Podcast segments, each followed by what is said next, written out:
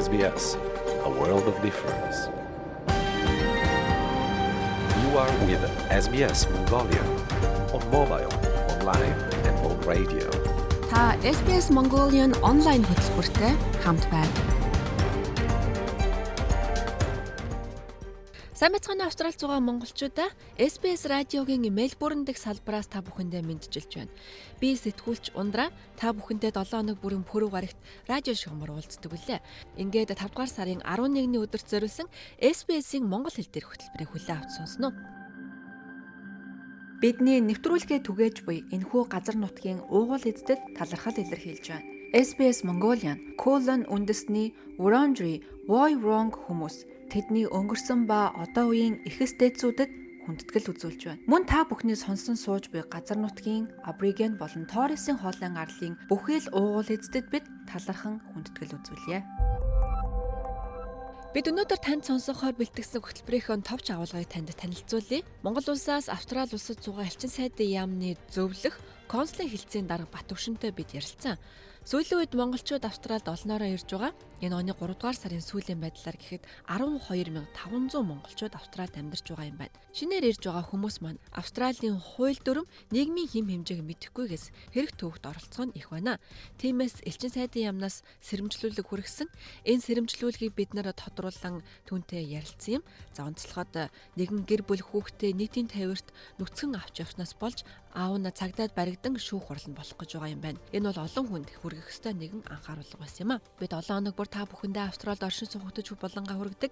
Энэ удаа та Австралид хөрштөөгөө маргаантай байгаа бол энэ асуудлыг хэрхэн шийдвэрлэж болох талаар зөвлөгөө хүргэлээ. За мөн Австралид 2025 оноос эхлэн өвчин намдах гол хэрэглээний юм болох парацетамолын нэг савлгааны хэмжээг бууруулахар болжээ. Аюулгүй байдлын улмаас энэхүү шийдвэрийг гаргасан хэмээн эм эмчилгээний хяналтын албанаас мэдээлсэн байна. Энэ тухайд илэрэнгүй мэдээллийг та хүлээн авсан сонсорой. За мөн Австралид боцоо тоглоомыг тоглоход зээлийн карта төлбөр хийхгүй байх шийдвэрийг гаргаж байна. Төгсгөлд нь бид SBS Learning English-ийн шинэ дугаарыг танд хүргэх болно. Ингээд бүтэн цагийн хамтурш хамтдаа байцгаая.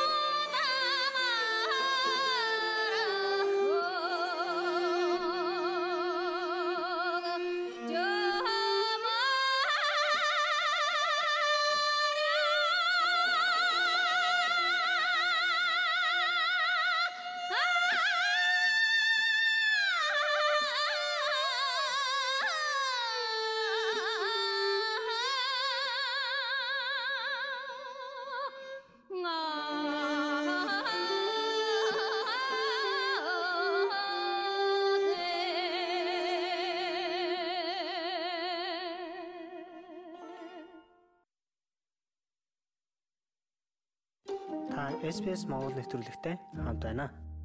За сайн байцгаана уу SBS Mongolia сонсогчдоо. За хэдхэн 7 хоногийн өмнө авчид сайдын яамнаас сэрэмжлүүлэг хүргэснийг та бүхэн мэдэж байгаах. Тэгэхээр энэ сэрэмжлүүлгийг бид нэр дэлгэрүүлэн монголчууд яг юун дээр алдаж байгаа. За түүнд элчин сайдын яамнаас ямар зөвлөгөө өгөх талаар ярилцах гэж байгаа юм. Ингээд манай өнөөдрийн зочин Камбери хотоос элчин сайдын яамны зөвлөх консулын хэлтсийн дарга Бат Төвшин бидэнтэй ярилцахад бэлэн болжээ. За сайн байна уу та өнөөдрийн минь төргий? Сайн сайн байна уу таны өнөөдрийн мэндийг хүргье. За баярлалаа. Юуны өмнө монголчуудын хамгийн ихээр холбогдож байгаа хэрэг зөрчил гэвэл ер нь яг ямар тохиолдлууд байгаа вэ? Та энэ дээр бас бид мэдээлэл өгөөч. За баярлалаа. Яг энэ асуулттай холбоотой мэдээлөхөөс өмнө ерөнхийдөө статистикийн бас маш товчхон мэдээлэл өгье гэж бодлоо. 3 сарын сүүлийн байдлаар буюу 31-ний байдлаар Австралийн статистикийн байгууллагаас гаргасан мэдээллээр Австрали улсад доогоор 12500 гаруй Монгол иргэн ажиллаж амьдарч суралцж байна гэсэн тоо байна одоо 2022 оны 8 9 сарын байдлаар бол нэг 7000 орчим Монгол Австрал байна гэж байсан бол одоо энэ 12500 ус нь бараг л 20 орчод байгаатай нүцэж байгаа. Тэгэхээр маш их монголчууд Австралийг зорих болжээ гэж таны асуулттай холбоотой бас хэд хэдэн кейсийг ерөнхий байдлаар бас тайлбарлаж өгье гэж бодлоо. За тэгээ. За жишээд нэр нөхөр хоёр бага насны хүүхдтэйгээ гадаа одоо жишээлбэл бич дээр явж байгаад хүүхд нь одоо тоглож байгаад одоо ус их бууснаас болоод ч юм уу те өмдөндөө шээсэн тохиол гарсан. Тэгэнгүүт аавч хоёр нь ерөөхдөө хүүхдийн дээр одоо юуг ин шортын тайлаад үндсэндээ доогуура нүцгэн байдалтай тэрч яваад метронд яваад мөн түнчлэн өвөр дээрээ суулгаач гэдэг юм. Тэгэж явж байгаад гэртээ харьсан байдаг. Тэр хугацаанд юу болсон бэ гэхээр өдөөс нь хард сууж исэн Австрали иргэн одоо цагдаад мэдүүлэх гэсэн баг. Тэгээд энэ хэрэг цааш яаж өрнөсөн бэ гэхээр манай Монгол улсын иргэнийг гэртээ байж хатан цагдаа нар одоо баримчилж саатуулсан байгаа. Тэгээд ингээд шүүх хурлаар оруулж тодорхой ингээд процесс явж байгаа. Энэ юу юу хэлэх гээд байна гэхээр ялангуяа Австралийн олон нийтийн газар буюу public place баг насны хүүхдүүдийг одоо нүцгэнж гэдэг юм уу ямар нэгэн хувцсгөөч гэдэг юм уу те тийм байдлаар авч явах мөн түнчлэн одоо бие эд эрхтэнд нь хүрэх гих мэт асуудлууд нь Австралийн хуулийн дагуу ноцтой зөрчил тооцогдож байгаа. Одоо эрүүгийн хуулийн судлаад үзэхэд 12 орчим жилийн ял оноох хүртэлх эрүүгийн гэмт хэрэг тооцогдож байгаа.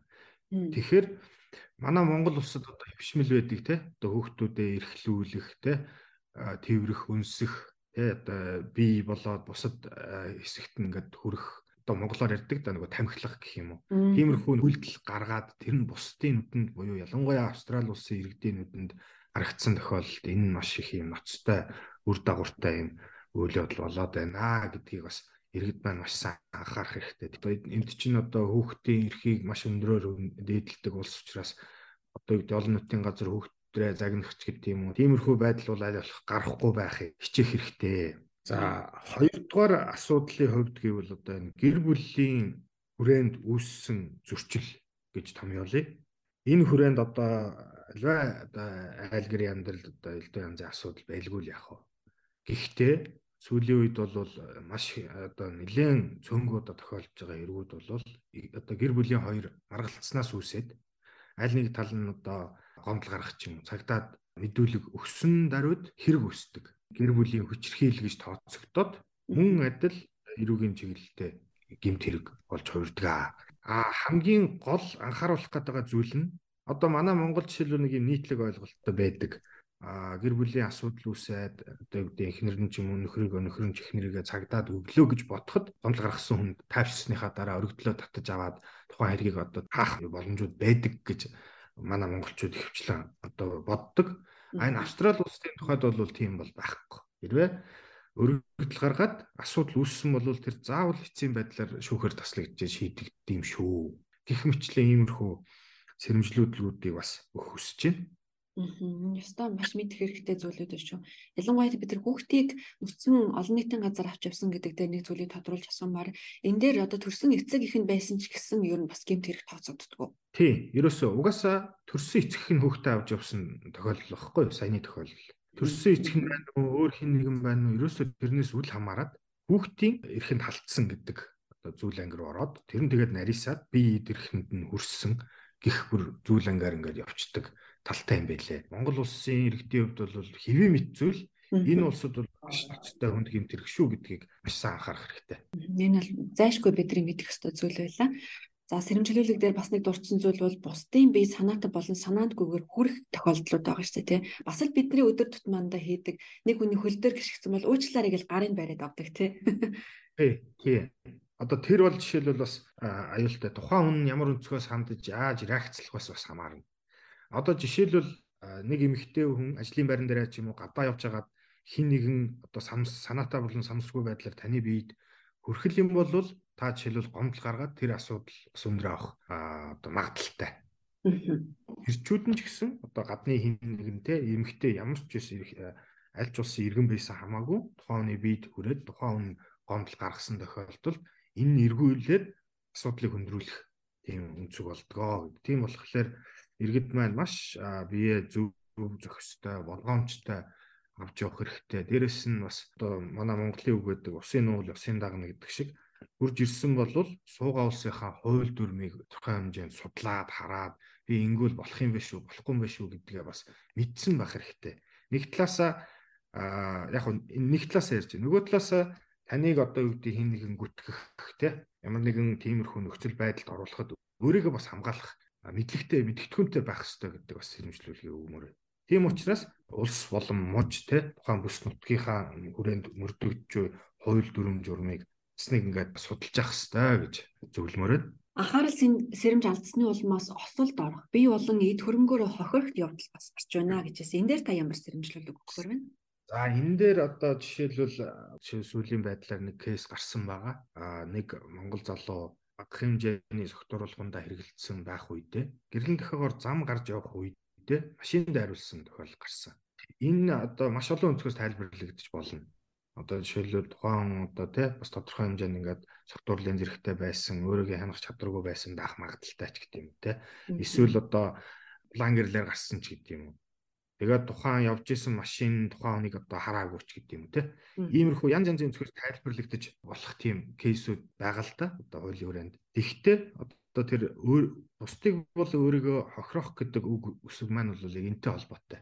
Одоо ерөөсөө маш нэхуур одоо адаглал зүгээр зам гарахтаа л те өрөө чи одоо ямар нэгэн байдлаар биеийн байдал чинь тав гүйч гэдэг юм уу те согтуурлын байдалтай ч гэдэг юм уу тийм байгаа тохиолдолд одоо хин нэгэнтэй одоо цуг явах ч гэдэг юм уу эсвэл одоо тодорхой хэмжээнд өөрийгөө хянах чадвартай болцоод хөдөлгөөнд оролцох ч гэдэг юм уу энэ өнцгөөс бас хүмүүс маань бас сэрэмжтэй байхгүй бол болохгүй нэ гэдгийг л хэлээд байгаа юм. Та өөр монголчуудаа ялангуяа шинээр ирж байгаа хүмүүс мэдгүйгээсээ болоод алдаж байгаа ямар зөрчил байж болох талаар ямар сэрэмжлүүлэг байна тань? За жишээлбэл хөдөлмөр эрхлэл тал дээр бас тодорхой нэг дүү хийлээ гэж бодлоо. Одоо жишээлбэл дөнгөж ирж байгаа одоо монголчууд маань одоо суугаа улсын хууль дүрмийг мэдгүйгээсээ болоод одоо хин нэгэнд итгэснээсээ болоод ч гэдэм үү те альва гэмт үйлдэлийн хохирогч болох магадaltaй. Тухайлбал одоо ажил одоо нэг ажилд гараад нөгөө хүн одоо тэдэн төгрөгийн цалин ингээд ярьж тохирчоод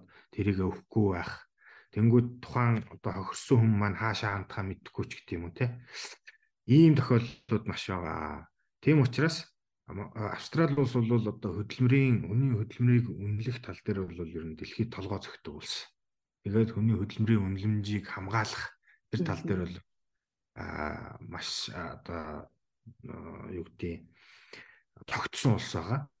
Тэгэхээр а иргэд маань альва одоо хөдөлмөр эрхтэй холбоотой шийдвэр гаргахаас өмнө сайн судалж үйж шийдвэрээ гаргаарай гэж хүсмээр байна. Хин нэгний татгалгач гэдэг юм уу те нөлөөнд автаж альва үйлдэл гаргахаасаа бас сэрэмжлэхийг бас зөвлөж байна. Тухайлбал одоо хин нэгэн тэ одоо монголчууд ч гэдэм гадаад нөхцөлүүд хүмүүстэй ингээд танилцаа таныг шууд болон шууд бусдахаар альва гимт үйлдэлд одоо татан оролцуулж байхыг үгүйсэхгүй. Тухайлбал одоо юу гэдэг ямар нэгэн одоо контрабанд ч гэдэм үү те одоо элдв янзын бараа тавар нааш цааш нь болгох ч гэдэм үү. Танаас үл хамааран одоо жишээлбэл ингээл жишээ бол аавал үзье л та нэг хүнтэй ингээл танилцаал ярьж тохирол хоёулаа нэг ажил хийж дээрээ чи машин барай авчих гээл те Ингэж явж исэн чинь тэр машинд нь одоо 20 та бараа байх ч гэдэг юм. Тэгээ 20 та бараатай явж байгаа тэр хүн тухайн хүмүүс ингээд цагтаад баригдаад яхаар тухайн машин барьж явж исэн мэдэхгүй байгаагасаа мэдэхгүй байснаас улмаас одоо тэр хэрэг татагтаа оролцох ч гэдэг юм уу те. Ерөнхийдөө энэ мэтчлэн сонор сэрэмжээ бол маш сайн өндөр байлгаж альва шийдвэр гаргахаас өмнө сайтар судлах хэрэгтэй. Ялангуяа хууль дүрм журмыг сайтар судлаарай гэж зөвлөж байна. Ер нь бид нар Австралийн хууль дүрмийг одоо баттай их сурвалжаа судлах гол их сурвалж ер нь бидэнд юу байж болох вэ? Жишээлбэл элчин сайдын яаманда хандхад биднэрт бас их сурвалж болох боломжтой юу? Элчин сайдын яам бол Монгол улсын хууль дүрмийн хүрээнд үйл ажиллагаа явуулдаг байгууллага.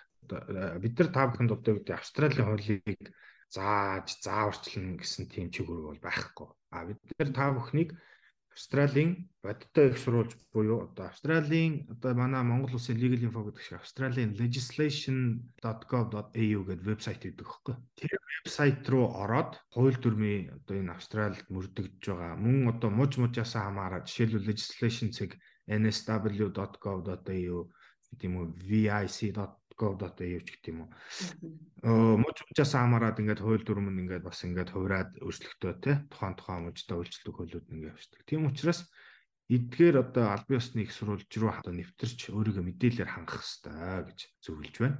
Ер нь бол ямар нэгэн байдлаар хэрэг төвд тооцолтлоо гэхэд бидний хамгийн түрүүнд хандах газар ер нь юу байдаг вэ? Хаашаа бид хандах хэрэгтэй вэ? Ер нь бол одоо хэрэг төвгийнхаа одоо ангиллаас хамаараа одоо хөдөлмөрийн маргаантай асуудал гэвэл одоо эдний хөдөлмөрийн э, эрхлэгчдийн эрх ашгийг хамгаалах нийгэмлэг гэдэг байгаа тэднээс рүү хандах хэрэгтэй.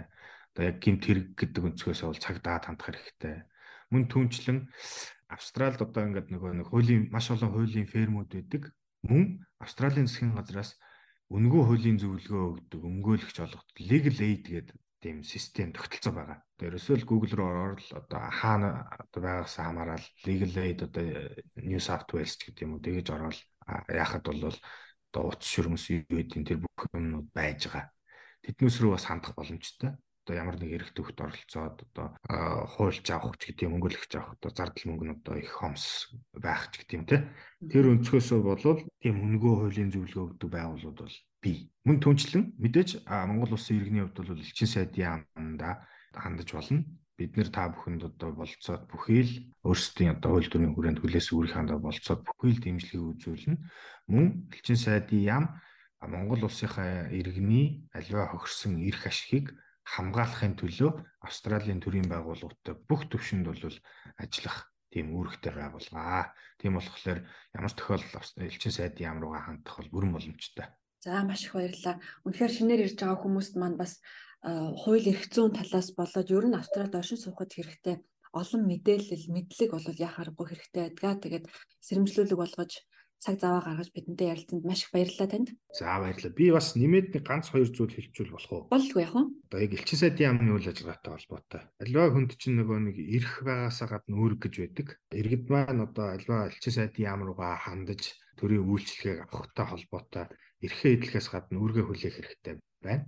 Жилх гээд байна гэхээр дээр бол цөөхөн идэхэн одоо консулын үйлчлэгээ үзүүлж байгаа иргэдэд шаардлагатай. Тэр болгоны мэдээлэл мэдээ мэдээллийг сайдын яамны веб хуудас дээр байждаг. Mongolian Embassy.org .au гэдэг вебсайт байгаа. Тийшээ орж өөрсдөө бас мэдээлэлээр хангаарай. Мөн Facebook пэйж пэйж дээр манай альсад яамны Mongolian Embassy in Australia гэсэн пэйж байгаа.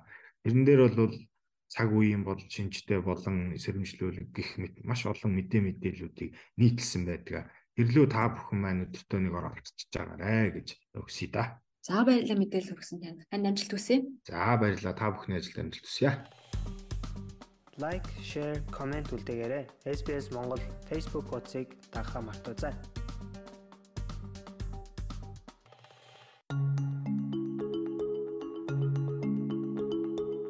SBS Mongolian танд таалагдсан бол сошиал ертөнцид бидэнтэй холбогдож ярилцаарай. Та биднийг Facebook-ээс SBS Mongolian гэж хайгаад олох боломжтой. Та SBS Монгол нэвтрүүлэгтэй хамт байна. Гэр бол бидний хамгийн тухтай байдаг газар. Гэхдээ бид хөшүүдтэйгээ таарамж муутай үед энэ амар амгалангийн мэдрэмж багасж эсвэл бүр үгүй болно хөршийн тань үйлдэл зам байдал танд сөрөг нөлөө үзүүлэх нь бий. Оршин суух хөтөч булангийн энэ удаагийн дугаарт хөрш айлуудтайгаа маргаантай байгаа бол хэрхэн шийдвэрлэх арга замууд болон танд юу тохиож болох талаар ярилцгаая. Та эвгүй нөхцөл байдлыг хэрхэн хамгийн зөвөр шийдвэрлэх талаар мэдээллийг эндээс аваарай.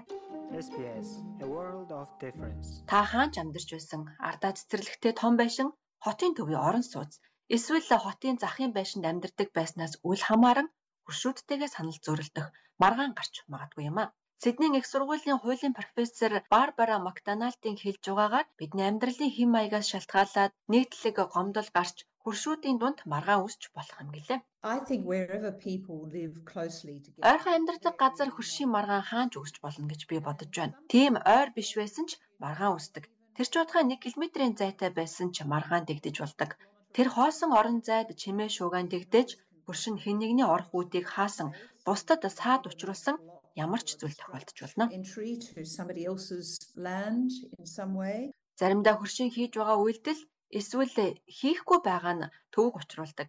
Гэвч Австралийн нийтлэг хуулийн дагуу тэр хүний зан авир төвөгтэй байх нь гомдол гаргах хангалттай шалтгаан болохгүй. Харин нийтийн эрх ашигт сөрөг нөлөө үзүүлж байвал гомдол гомдол гаргах бүрэн боломжтой. Хэрвээ аливаа асуудлыг аль бие усаар шүүхээр шийдвэрлэхийг хүсвэл таны гомдол жижиг эсвэл үндэслэлгүй байх зэрэг хэд хэдэн хүчин зүйлийг харгалзаж үздэг. Жишээлбэл хөрштэй нь шүн дунд чанга хөгжим тоглуулад эсвэл зөвшөөрөгдсөн цаг өнгөрчхөд байхад барилгын ажил хийж байвал нийгмийн хэв журмыг зөрчиж байгаа үйлдэл мөн байж болно.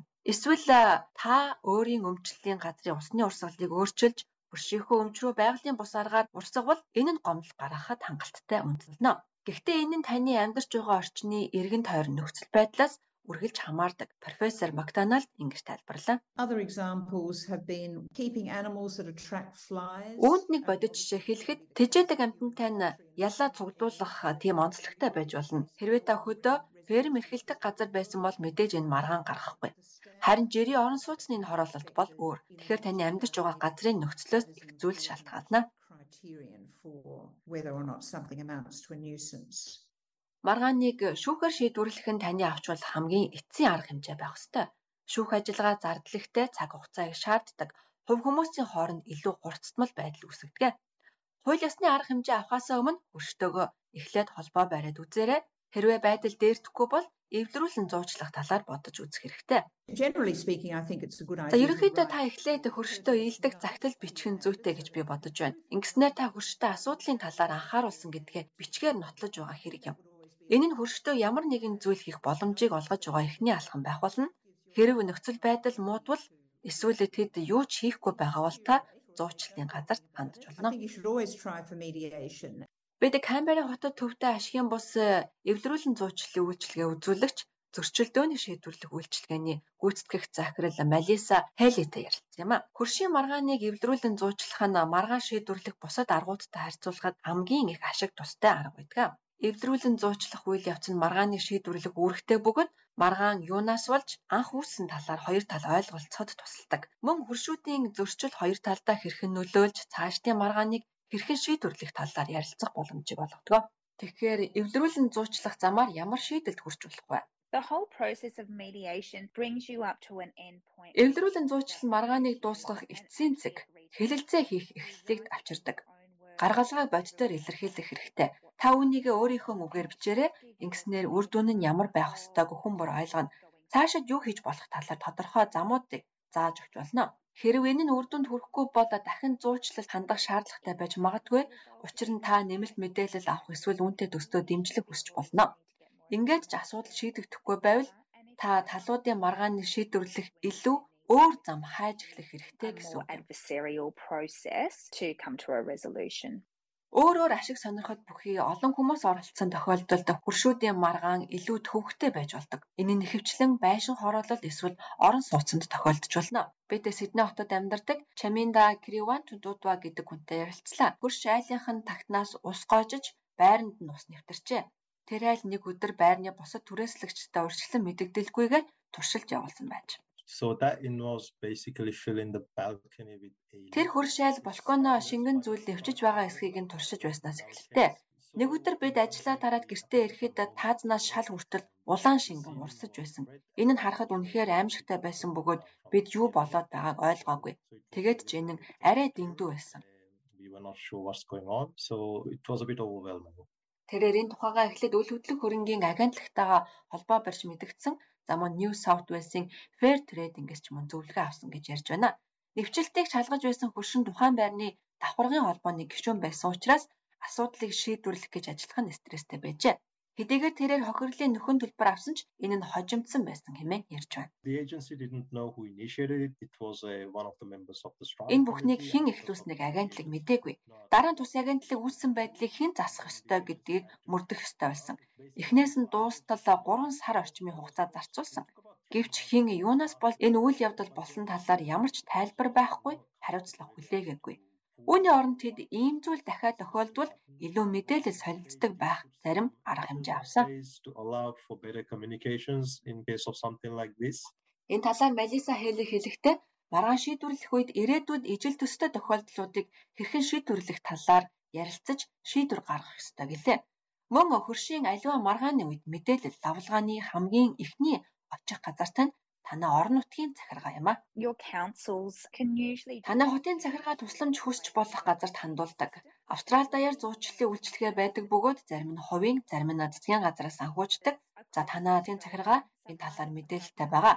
Үүнээс гадна танд хууль зүйн туслалцаа үзүүлэх үйлчилгээч бас бий. Хөршийн маргаанаас урьдчилан сэргийлэх хинч хийж болох нэг энгийн алхам бий. My number one thing that I always say Миний хэлэх хамгийн чухал зүйл бол шинэ байрандаа нүүж очсон даруйдаа хөрш дээрээ очиж өөрийгөө танилцуулах явдал юм а. Энэ та хамгийн сайн найзууд байх ёстой гэсэн үг биш. Гэхдээ та эхлэлийг тавьж өөрийгөө танилцуулах нь урт хугацаанд асар их өөрчлөлтийг авч ирнэ гэдэгт би найдаж байна. Хэрвээ та хөрштөөгөө асуудалтай байгаа бол орон нутгийн маргаан шийдвэрлэх байгууллагад хандаарай. Бид мууч нутаг дэвсгэр бүрийн холбогдох байгууллагын цахим хаягийг нэвтрүүлгийн тайлбар хэсэгтээ орууллаа. Австрали улсад байгаа бусад монголчуудтайгаа холбогдоорой. SBS.com.cg юу уршаа зураас Mongolian хуудасаар зочлоорой. Apple Podcast дээр манай нэвтрүүлэгт үнэлгээ өгнө үү? Энэ манай нэвтрүүлгийг хайж олоход бусдад бас туслах юм.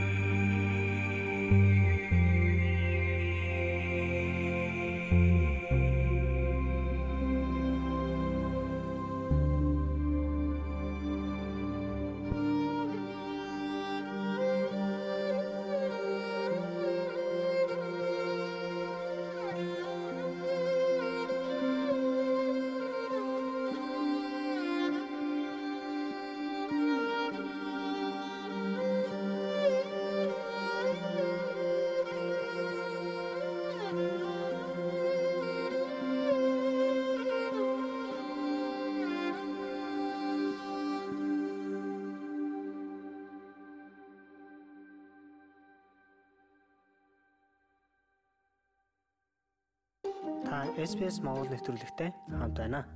Холбооны засгийн газар онлайн мөрөгтэй тоглоомтой холбоотой хязгаарлалтуудыг чангатгаар бэлтгэж бооцооны төлбөрийг зээлийн картаар хийхийг хориглох хуулийн төслийг боловсруулж байна.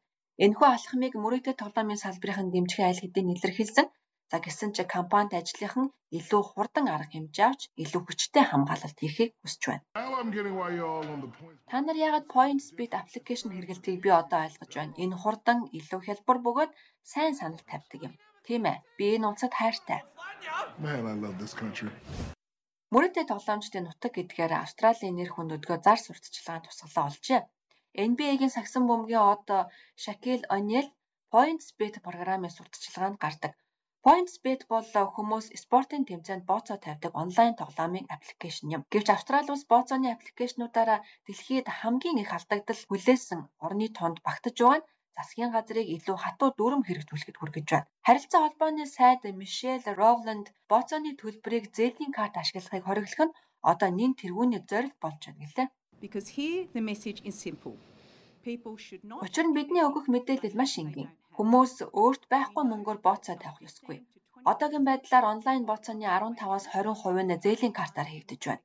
Мөрөдөө тоглоомын улмаас хохирч болох илүү их эдгээр хүмүүс хамгийн өртөмтгий, хамгийн эмзэг бүлэг юм. Ихэнх бооцооны газар болон казинод энэ хориг аль хэдийн хэрэгжиж эхэлсэн. Одоо онлайнаар ашигладаг цоорхойг энэхүү хоригоор хаахыг зорж байгаа юм. Мөрөдөө тоглоомын шинжилтийн холбооны гүйцэтгэх захирал Carrot Bennett-ийн хэлснээр ийм өөрчлөлтийг хийхэд хожимдсан ч мөрөдөө тоглоомыг бууруулах сайн эхлэл болсон гэлээ. Одоогийн байдлаар Австрали мөрөдөө тоглоом дээд зэгтээ хүрч байгааг бид мэдэж байгаа. Тиймээс энэ шинжилтийг аль болох хурдан хэрэгжүүлэхийн тулд засгийн газартай хамтран ажиллахыг бид хүсэн хүлээж байна. Энэ тоглоом бидний ажлын байр, гэр бүл, хамт олонд асар их хэмжээний хор хөнөөл учруулдаг гэдгийг бид сайн мэднэ. Эдгээр байж боломгүй их хор хөнөөллийг бууруулах арга хэмжээг авах шаардлагатай байна. Энэхүү хуулийн төслийг э, бооцоо тоглоомын салбарынханч дэмжиж байна. Австралийн хариуцлагатай мөрөгтэй тоглоом байгууллагын K Thomas засгийн газрын шийдвэр мөрөгтэй тоглоомчдод эерэг үр дүн авчран хэмээн найдаж байна. Өнөөдөр зарласан нэмэлт хамгаалалтууд нь бооцооны үйлчилгээ үзүүлэгчид тоглоом тоглох дуртай 6 сая тоглогчдоо аюулгүйгээр хамгаалж байгаа нэг хэрэгсэл юм. Нийгмийн үйлчилгээний сайд Аманда Ришворт нийгмийн дуу хоолой энэхүү хуулийн төслийг бодит болгоход дэмжлэг болно гэдэгтээ байгаагаа хэлжээ. Онлайн мөрөгтэй тоглоомын компаниуд энэ алхмыг дэмжиж байгаагаа тэдний зөвшөөрөл түнчлэн мэдээжийн хэрэг зохицуулалтын дагуу үйл ажиллагаа явуулж байгаагаа ойлгож байгаа тул зарчмын хувьд энэ арга хэмжээг дэмжиж за мөн үйлдэлээрээ дэмжинэ гэдэгт найдаж байна. Австралийн онлайн мөрөгтэй тоглоомын салбар парламентын хяналтанд байдаг. Гэхдээ Австралийн спорттой холбоотой зар сурталчилгааны энэ шинжилэлтийн нэг гол асуудал болж байна. Бооцоотой тоглоомын компаниуд нийгэмд танигдсан хүмүүстэй гэрээ байгуулсаар байгаа. юм. Парламентын бие даагч гишүүн Эндрю Вики үнийг цөрөг талыг нь тайлбарлаж байна. The community wants it banned. Олон нийт үүнийг хориглохыг эсвэл ядаж хязгаарлахыг хүсэж байна. Спортын арга хэмжээний үеэр мөрөөдөө тоглоомын сурталчилгааг бүх насныханд зориулсан телевизээр гаргахыг зөвшөөрдөг. Ихэнх хүүхдүүд зурагт үзэж тэдний хувьд баатар, үлгэр дуурайлуудыг нь харж байхад мөрөөдөө тоглоомоор бөмбөгдөгж зурагтаар болон тэдний төхөөрөмжүүд дээр байнга гарсаар байна. Гэхдээ энэ салбар хатуу зохицуулалтанд нээлттэй байгаа болтой. Сайд ришвэт хууль тогтоомж нь ирээдүйд хийх арга хэмжээний нэг хэсэг болно хэмээн ярьж байна. Цаашид яах вэ? Дараагийн алхам юу вэ? гэж сайд нарт бид ярилцаж байгаа. Хор хөнөөллийг багасгах талаар илүү олон арга хэмжээг хэрхэн хэрэгжүүлэх талаар ярилцах хүсэлтэй байна. SBS A World of Difference. SBS Mongolia-ийн хөтөлбөртэй хамт байгаа танд баярлалаа. Та SBS Монгол нэвтрүүлэгтэй хамт байна. Австралид борлуулдаг өвчин намдах эмийн хэмжээг шинэ хязгаарлалттай болгожээ.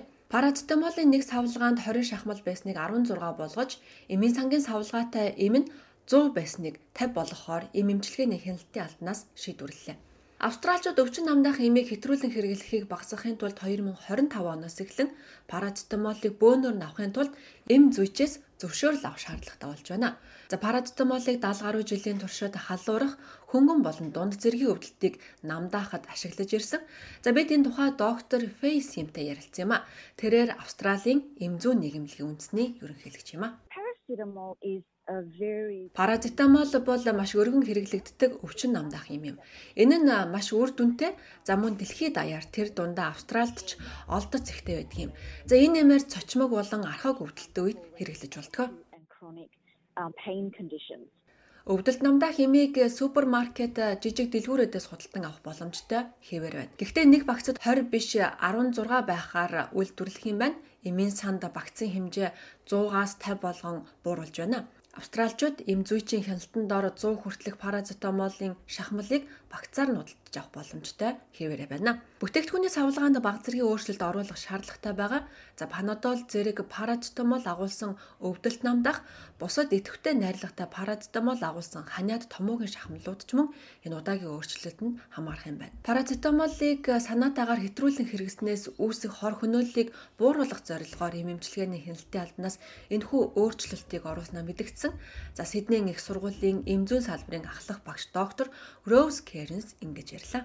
If people are taking the appropriate dose, you know, according to the packet, um, Хэрвээ хүмүүс зааврын дагуу зохих тунг ууж байгаа бол энэ нь аюулгүй. Харин санаатай эсвэл санамсаргүй тунг хэтрүүлэн хэрэглэх үед илгэнд сөрөг нөлөөтэй байдаг. Харамсалтай нь парацетамол нь Австральд илгэний цочмог гэмтлийн хамгийн түгээмэл шалтгаан болж байна. Тиймээс энэ бол үнэхээр том асуудал юм. Хүмүүс ихэвчлэн ийм хямралд орсон тохиолдолд өөрт байгаа бүхнээ л өгдөг. Тиймээс хэрэг бид хүмүүсийн гэрт байдаг шахмалуудын тоог нь бууруулж байгаа бол энэ нь хэтрүүлэн хэрэглэх, илэгний гэмтлээс үүсэх хор хөнөөлийг бууруулж байгаа санаа юм а. Австралид жил бүр парацетамол хэтрүүлэн хэрэглэснээс болж 255 хүн эмнэлэгт хэвтэн эмчлүүлж 50 хүн насвардаг. Им эмчилгээний хяналтын албанаас санаатаагаар хэтрүүлэн хэрэглэх тохиолдол өсвөр насныхан болоод залуучуудын дунд түгээмэл байгааг хэлж байна. За судалгаанаас үзэхэд ихэнх санаатаагаар хэтрүүлэн хэрэглэх нь дөнгөж худалдан авалтанд хамаагүй бөгөөд нөөцлөх нь гол асуудал болж байгаа юм. Шинэ өмнөд Уэльсийн хордлогын мэдээллийн төвөөс парацетамолоор өөрийгөө хордуулсан хүмүүсийн дунд явуулсан судалгаагаар тэдний 10% нь л тухайн үедээ өвчин намдах имийг худалдан авсан нь тогтоогдчихэ. Парацетамолыг санаатаагаар хэтрүүлэн хэрэглэснээс болж хүнд гэмтэл нас барсан тохиолдлын талаар бие даасан шинжээчийн дүгнэлт мөн хоёр удаагийн нийтийн хэлэлцүүлгээс гарсан саналыг үндэслэн энэ удаагийн шийдвэрийг гаргасан байна. За Julia Jones бол Pain Australia компани гүйцэтгэх захирал. Тэрээр энэ шийдвэрт сэтгэл дундуур байгаагаа илэрхийллээ. Энэ бол аль хэдийн маш олон хязгаарлалтууд тавигддаг архаг өвдөлттэй хүмүүст ирж байгаа бас нэг хязгаарлалт. Сүүлийн 5 жилийн хугацаанд тэд эпиод болон кодиан хэрэглэх боломжгүй болсон. За одоо парацетамол хэрэглэхэд дахиад хүндрэл учирч байна. Гэхдээ ийм байх ёсгүй. Хүмүүс хэрэгтэй үедээ хэрэгтэй зүйл авах боломжтой байх ёстой. Австралид 3.4 сая хүн ямар нэгэн архаг өвдөлттэйгээр амьдардаг бөгөөд тэдний ихэнх нь эмэгтэйчүүд байдаг юм байна. Энэ нь хүний өдөр тутмын үндсэн ажлуудыг гүйцэтгэх, харилцаагаа хадгалах, ажиллах чадварт нөлөөж болзошгүй юм а. Бодлогод өөрчлөлт оруулахдаа архаг өвдөлттэй хүмүүсийг илүү анхаарч үзэх хэрэгтэй гэж хадагта Джонс нэмж хэллээ. Архаг өвдөлттэй орлого багтаа хүмүүсийн хувьд энэ нь үнэхээр хэцүү байдаг. Хэрвээ та New Start гэдэг ийм хэрэгэлдэг гэж төсөөлье. Энэ нэмээд 7 хоногийн хэрэглээ нь 600-аас 700 доллар байдаг. Дараагийн имээ авах хүртэлх хэрэглэх хангалттай хэмжээний парацетамол худалдаж авах ёстой гэж төсөөлөд үзтээ. Үнэн хэрэгтээ хүмүүс өөрсдийн нөхцөл байдлыг зохицуулахын тулд эмнэлгийн олон мэрэгжилтнүүд энэ имийг зөвлөдөг. Энэ шийдвэрийг гаргахдаа энэ хүмүүсийг үл ойшоолоо. Архаг өвдөлт нь бусад өвдөлтөнтэй адил биш ээ. Гэхдээ би тэднийг харж үзэх нь үнэхээр чухал юм.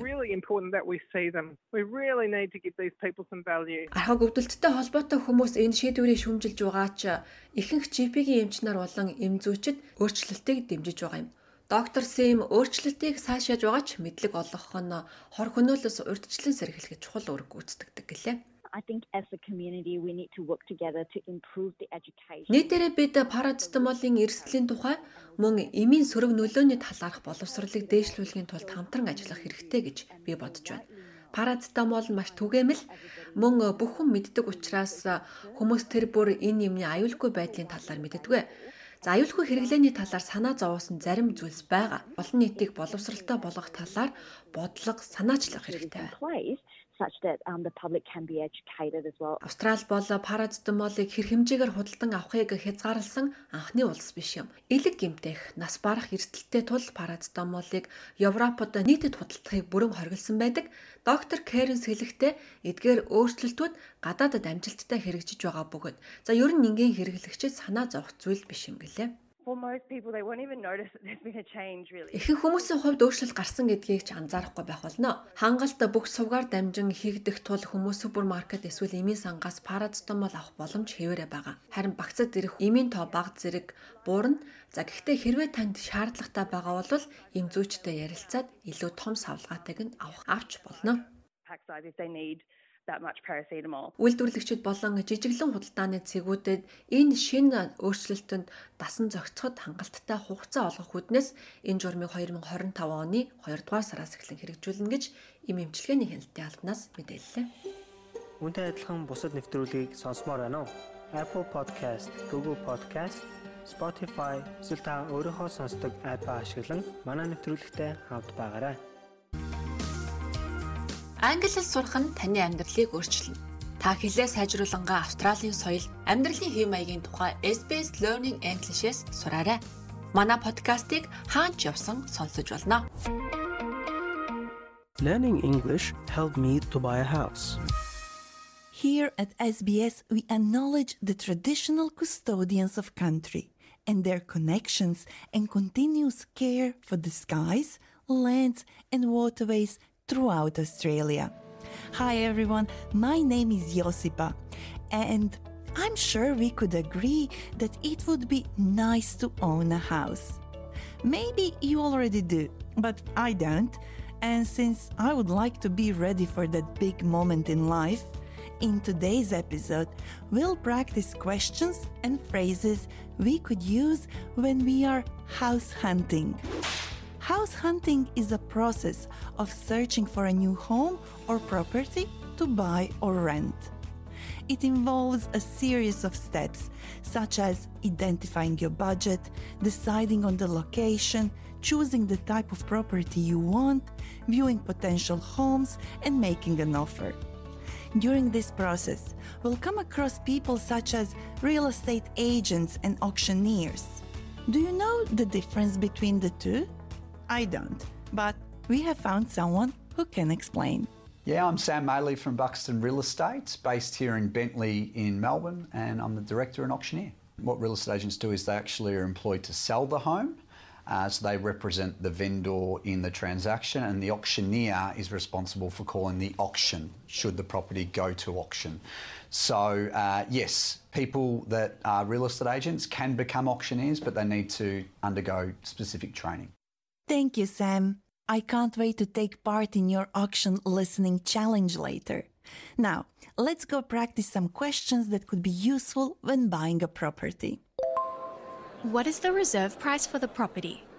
The reserve price is the minimum amount that the seller is willing to accept for the property at an auction. So, when you ask, What is the reserve price for the property? You are asking what is the minimum amount that the seller is willing to accept. It's also useful to know if the property has any structural issues, physical problems with the building, or if a property has any legal disputes. Legal disputes are disagreements which may result in legal action. These may be arguments about money that still needs to be paid to a builder or some other problem. You don't want to buy a house where there are legal problems. So, you could ask Are there any issues I should be aware of? Structural issues or legal disputes? Moving on. For the next question, we need to know about the settlement period. The settlement period is the length of time between the exchange of contracts and the time when the sale is completely final. In Australia, this period is typically between 30 to 90 days.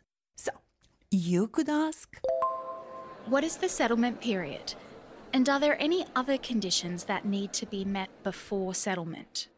You might also request to look at any reports that have been done on the property. That is, any building inspections or valuations. A building inspection is an assessment, rating, analysis of the condition of a property conducted by a qualified building inspector. A property valuation is an assessment of the current market value of a property and it's typically done by a qualified person. You could ask Have any building inspections or valuations been carried out on the property? I'd like to see the reports, please. After you ask all your questions, if you are considering buying the property, you can do this through an auction or private treaty. This is decided by the seller. Buying a home at auction can be exciting and intense as you bid against other potential buyers at a live event. In a private treaty, the seller specifies a price and you negotiate from there privately with the seller or real estate agent. It's private because you don't know how many other people are placing offers. Okay, now, before we hear the last question, we need to go through some vocabulary first, like a bid, bidding process, the highest bid, starting bid, bidders. Let's start with the word bid. Once you know what this means, the other words will make a lot more sense. A bid is an offer made by a potential buyer to purchase the property for a specific price. So, the bidding process is when potential buyers, bidders, make offers to buy. During the auction, the auctioneer will start the bidding process by announcing a starting bid and then ask for higher bids from the bidders. And if you're planning to bid, you might want to know How much deposit is required if I am a successful bidder? This sentence is asking how much money you will need to pay in advance to show that you are serious about buying the property. If you decide to go to the auction and bid, be aware that auctions can be very competitive. I would have to be careful not to get carried away. That is, I have to make sure that I don't bid more than I can afford because the last thing I want to do is to pay more than I have to just because I love winning and I got carried away. By the way, when you get carried away, you become very excited and lose control of your actions or behavior because of it. For example, at an auction, getting carried away may cause someone like me to bid more than I intended or more than the property is worth. But you know what? I would still love to visit an auction one day and bid. So I have to learn new vocabulary and practice phrases. How about we listen in on Alan and Claire now, because they are talking about the settlement period. Have you heard back from your conveyancer about the settlement period? Yes, they said vendors want a 30 day settlement period. Ah, that's great. Have you fulfilled all the conditions of the sale yet? Not yet. We're still waiting on the building inspection report, but we've already got finance sorted and signed all the necessary documents. Ah, that's good. I don't know how you feel, but for me, this dialogue was full of new expressions. But that's okay, because I love when the English language challenges me. So let's go through this dialogue. Alan said, Have you heard back from your conveyancer about the settlement period? We've already heard that the settlement period is the length of time needed for the money and the property to officially change hands so that there can be an exchange of ownership. But Alan used another word. What was it? Um, let's hear him again. Have you heard back from your conveyancer about the settlement period? A solicitor or conveyancer is the person who looks after the legal transfer of property. They're legally trained and certified. They can ensure that all necessary legal steps are taken. Alan also asked Claire Have you fulfilled all the conditions of the sale yet? Not yet. We're still waiting on the building inspection report, but we've already got finance sorted and signed all the necessary documents. During the settlement period, the buyer must fulfill all the conditions of the sale as specified in the contract of sale. And if you got your finance sorted, you have arranged your finances and are ready to make a purchase, such as buying a house or a car or anything else. Sam, would you like to add something? Yeah, I quite find it is fairly common at auction for Chinese speaking clients or Mandarin speaking clients to um, get mixed up with numbers. So I'll ask for a rise being the auctioneer of $10,000 and they will just nod their head and say yes, but they actually mean $1,000, not $10,000. So if you aren't speaking um, English, sometimes it can be a very expensive mistake. And I've got a tricky challenge for you, and here it goes. I'll call an auction and you need to work out what the bidding starts at, what increments we're going up in, and what the eventual sale price is. So here goes. We open the bidding now at 1,100,000. At 1.1 now the bid, I'm looking for a 10 in the rise. 10,000 can I say? 10,000 to get your nose in front. At 1.1 now and 10 and 10 now I've got it and welcome to the bidding here at 10. At 1,110,000. At 1,110,000 rise me up to 50 and 50 can I say? At $1,110,000 round me up to 50, 50 now got it. At 1,150 at 1.15. At 1.15 million dollars now the bid. 1 2 1 2 to get your nose in front, property on the market, playing for keeps, now at 1.2 at $1,200,000. First, second, third and final call, all done, all finished, all silent, sold. How did you go? Do you know what was the starting price? And how about the selling price? I'd love to give you an answer, but I have to listen to Sam again. He spoke too fast. Anyway, it's time to practice what we've learned in this episode. See if you remember the meaning before hearing the answer.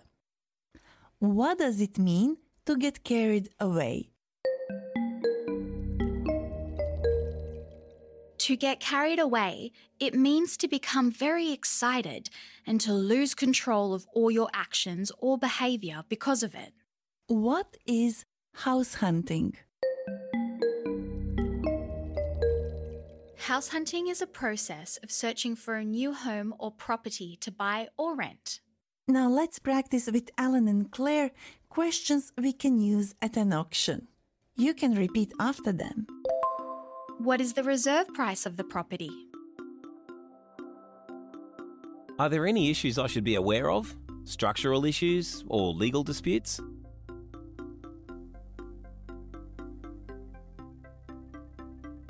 What is the settlement period? Are there any conditions that need to be met before settlement? Have any building inspections or valuations been carried out on the property?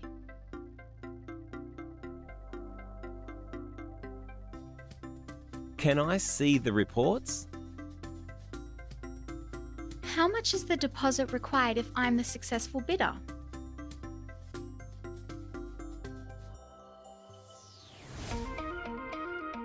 You know that we love hearing from you.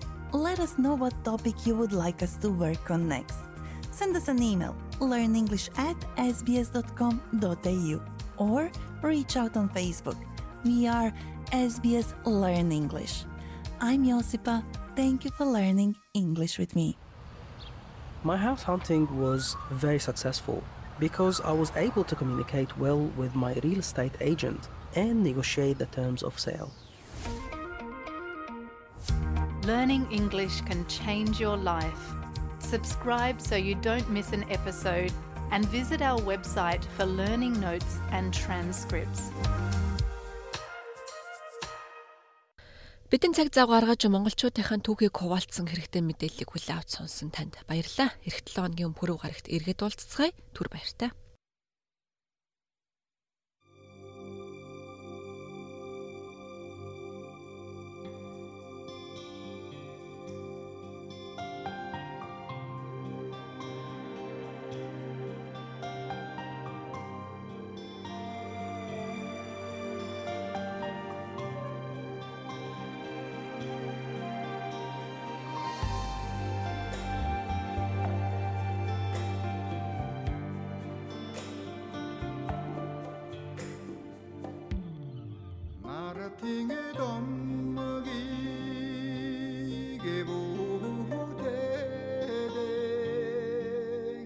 이 길을 독수고 더허여름이